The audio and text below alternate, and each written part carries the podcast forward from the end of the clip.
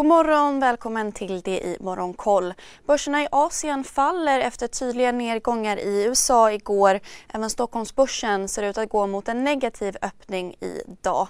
Tokyobörsen, Shanghaibörsen och Shenzhenbörsen tappar 1% medan Hongkongbörsen faller 1,5% med Volvo Cars systerbolag Geely i botten som backar 7% Samtidigt har Kina lättat på covid-restriktionerna för inkommande resenärer och skurit ner karantänperioden från tre veckor till tio dagar. Vidare sa Fed-chefen i San Francisco igår att USA kan undvika en recession trots att landet nu har den högsta inflationen på 40 år. Hon menade att en mjuklandning är möjlig även om det innebär en lägre tillväxt delvis tack vare landets fortsatt starka arbetsmarknad. Och Wall Street-börserna avslutade klart på minus där S&P föll 2% och Nasdaq 3% Bland bolagen tappade konsumentvarusektorn och tekniksektorn medan flera börsjättar som Amazon, Microsoft och Apple bidrog till nedgångarna. Oljesektorn däremot gick fortsatt starkt som den enda sektorn att gå mot strömmen. Brent-oljepriset backar 1 och handlas nu för 116 dollar fatet. Chiptillverkaren Qualcomm stärktes 3,5% på rykten om att Apple ska använda bolagets 5G CSRD, ännu en förkortning som väcker känslor hos företagare. Men lugn, våra rådgivare här på PWC har koll på det som din verksamhet berörs av. Från hållbarhetslösningar och nya regelverk till affärsutveckling och ansvarsfulla AI-strategier. Välkommen till PWC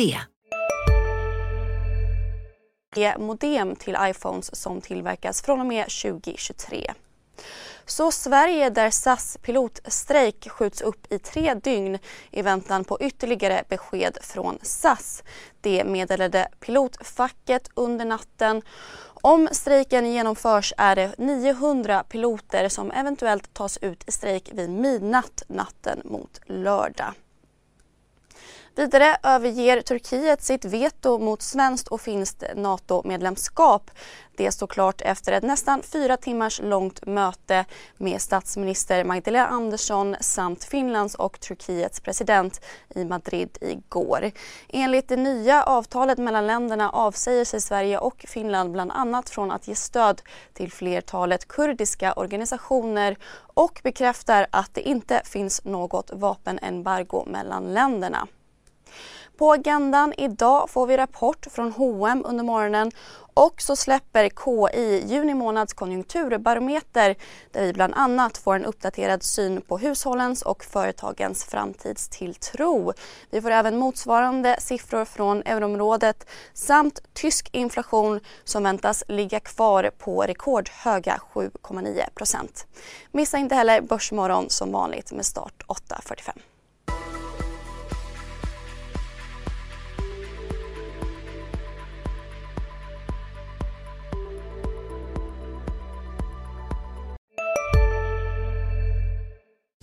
Hej, Synoptik här. Så här års är det extra viktigt att du skyddar dina ögon mot solens skadliga strålar. Därför får du just nu 50% på ett par solglasögon i din styrka när du köper glasögon hos oss på Synoptik. Boka tid och läs mer på synoptik.se. Välkommen! CSRD, ännu en förkortning som väcker känslor hos företagare. Men lugn, våra rådgivare här på PWC har koll på det som din verksamhet berörs av. Från hållbarhetslösningar och nya regelverk till affärsutveckling och ansvarsfulla AI-strategier. Välkommen till PWC.